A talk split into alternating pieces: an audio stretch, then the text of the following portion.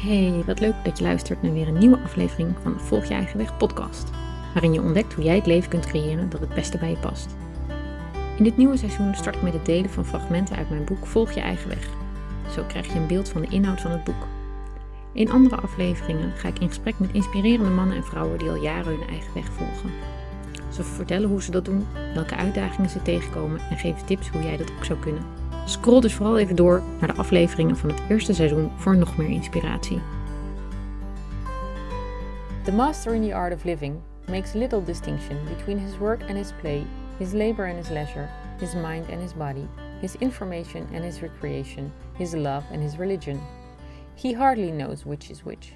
He simply pursues his vision of excellence at whatever he does, leaving others to decide whether he is working or playing. To him, he's always doing both. James A. Missioner. Zoals ik ook in mijn boek Geluk in acht koppen thee schreef, geloof ik dat iedereen hier op aarde is met een bepaald doel of bepaalde missie. Een levenspad, de wens van je ziel of hoe je het ook wilt noemen. Iedereen heeft een rol in het grotere geheel. En zoals het mijn rol is verhalen te delen, zo heb jij ook een doel in dit leven. Het is aan jou of je besluit dit pad wel of niet te volgen. Het is de stem die tegen je zegt: Eigenlijk wil ik heel graag. En daar vul je in wat jij liever zou willen dan wat je nu doet. Misschien wil je een bloemenwinkel openen of veganistische taarten bakken. Of heb je een idee om een nieuwe school te starten. Alles waar je ook maar een lichte twinkeling bij voelt, is de weg die jij te bewandelen hebt. En omdat je op school niet hebt meegekregen dit te ontwikkelen, is het soms lastig dat gevoel de ruimte te geven. Op school leer je allerlei vakken, behalve de ontwikkeling van je diepste essentie. Mijn levenspad werd me eigenlijk pas helder toen ik een paar jaar geleden de rode draad ging ontdekken in het werk dat ik doe. Ik besefte dat bij elke baan die ik had, ik verhalen wilde vertellen. Door terug te kijken zag ik welke dingen ik van nature gemakkelijk doe, welke werkzaamheden ik altijd naar me toe trek, in welke situatie dan ook, en wat ik zelf zou doen als ik er niet voor betaald kreeg. Jij hebt vast ook wel iets waar je ogen van gaan stralen, waar je niet zonder kunt en wat altijd weer op je pad komt. Misschien weet je het al lang en vind je het spannend de stap te zetten om dat ook echt te gaan doen. Misschien weet je het nog niet en heb je hulp nodig om te ontdekken wat het is. Wat je ook wilt, weet dat het voor jou in het verschiet ligt. Als je je open durft te stellen voor het creëren van jouw ideale leven, kun je doen wat jou zielsgelukkig maakt en hoef je je niet meer aan anderen aan te passen. Waarom doe je wat je doet? Sta jij wel eens stil bij wat je doet?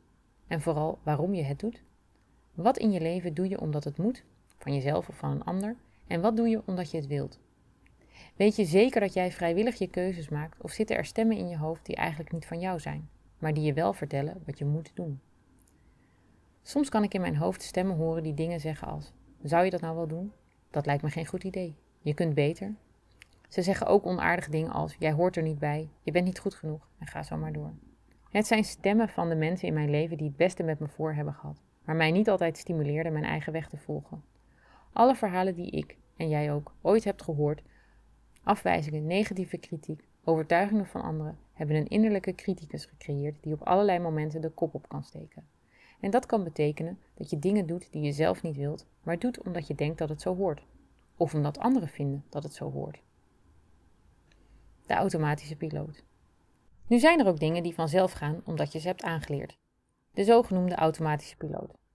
Dat zijn de dingen waarbij je niet nadenkt wanneer je ze doet. Je doet ze gewoon. Van de manier waarop je je sokken aantrekt tot de manier waarop je communiceert met anderen. En hoewel sommige van die dingen het leven een stuk makkelijker maken, het is tenslotte behoorlijk vermoeiend als je elke dag opnieuw moet ontdekken hoe je een sok aantrekt, is het goed om andere dingen onder de loep te nemen. Waarom ga je al jaren elke dag naar dezelfde baan, terwijl je liever iets anders wilt doen? Waarom ga je altijd op vakantie met het vliegtuig, terwijl je vindt dat het niet goed is voor het milieu?